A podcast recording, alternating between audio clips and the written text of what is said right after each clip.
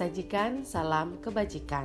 Halo teman-teman pendengar Sajikan Podcast di mana pun teman-teman berada, pagi, siang, sore, ataupun malam, ketika teman-teman sedang mendengarkan Sajikan Podcast kali ini, semoga teman-teman dalam keadaan baik, bersemangat, hati yang bahagia, dan hidup dengan penuh rasa syukur. Kali ini, saya akan menceritakan satu buah narasi ilustrasi yang berjudul Adu Kemampuan. Saat istirahat siang, orang-orang yang bekerja pada gedung perkantoran berhamburan ke rumah makan untuk mengisi perut sambil berbincang santai dengan teman sekantor, atau memanfaatkan waktu untuk bernegosiasi bisnis. Bahkan ada yang menyempatkan diri untuk berkencan. Di antara mereka yang sibuk dengan urusan masing-masing itu, ada pula yang iseng berdebat mengunggulkan kemampuan di tengah santap siangnya. Persoalan mengenai debat ini diawali dengan pemandangan di meja sebelah, di mana tampak seseorang yang sedang kesulitan membaca menu. Mungkin kacamatanya tertinggal di kantor. Wah, kasihan. Masih muda kok sudah rabun, komentar si A dengan congkak. Kalau saya, usia boleh lebih tua, tapi saya masih bisa membedakan kacang tanah dengan kedelai dari jarak sekian meter, imbuhnya. Tidak mau kalah, B menyeletuk. Itu sih belum seberapa. Saya dapat membedakan seekor semut hitam atau semut merah yang sedang berjalan dari jarak sekian meter timpalnya.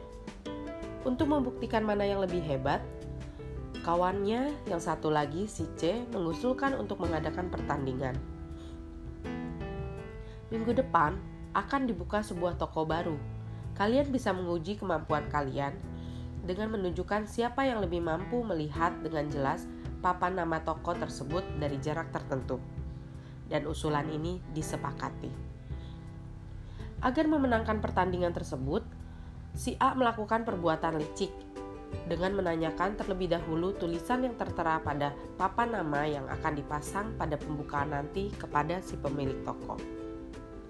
Begitu pula dengan B, di mana secara curang menanyakan warna tulisan papan nama tersebut kepada tukang yang membuatnya. Ketika tiba hari pertandingan, dengan lantang A berseru, "Papan nama itu bertuliskan toko berkah." Sedang B tak mau kalah. Dari jarak yang lebih jauh dengan bersemangat teriaknya. Warna tulisan di papan nama itu kuning emas. Apa reaksi penonton? Seketika itu riuh rendah cemoohan penonton bersorak. Mengapa? Ternyata papan nama itu belum terpasang. Di dalam Lunyi jilid 2 pasal 13 tertulis, Cekung bertanya hal seorang cince. Nabi bersabda, ia melakukan pekerjaan lebih dahulu dan selanjutnya kata-katanya disesuaikan.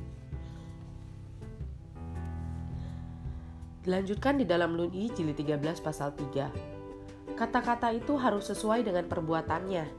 Itulah sebabnya seorang cince tidak gampang-gampang mengucapkan kata-kata. Cerita tadi cukup menarik. Keisengan adu kehebatan diri macam itu bisa terjadi di mana pun, pada orang dengan usia berapapun. Hal ini menunjukkan orang umumnya suka dirinya dipuji, jika belum ada yang memuji, dia akan memuji dirinya sendiri. Simak nasihat berikut ini. Di dalam Lun'i jilid 12 pasal 3. Melaksanakan sesuatu itu sukar, maka dapatkah orang tidak hati-hati dalam bicara? Di dalam Lun'i jilid 4 pasal 22. Adapun sebabnya orang merasa sukar mengucapkan kata-kata ialah karena merasa malu kalau ia tidak dapat melaksanakannya. Tapi ada juga orang yang cukup bijaksana, cince. Seorang cince, ia tak mau terjebak dengan kebiasaan umum seperti itu. Mengapa? Karena cince yang bijaksana itu mengutamakan tindakan yang benar tanpa tertarik lagi untuk mengumbar kata-kata, apalagi memuji keunggulan diri sendiri. Dengan begitu, ia akan tetap dihargai siapa pun. Sebab apa yang dikatakan sesuai dengan sepak terjangnya. Ia bukan tipe orang yang sepak terjang berbeda dengan kata-katanya. Di dalam Lun'i jilid 19 pasal 25, Karena sepatah kata, orang bisa dianggap pandai. Karena sepatah kata, orang bisa dianggap bodoh. Maka berhati-hatilah dalam berkata-kata. Justru dengan hati-hati dalam berkata, seorang bijaksana akan terhindar dari kebiasaan umum yang akan menjerumuskannya dalam kebodohan yang tidak disadarinya. Terima kasih teman-teman semua.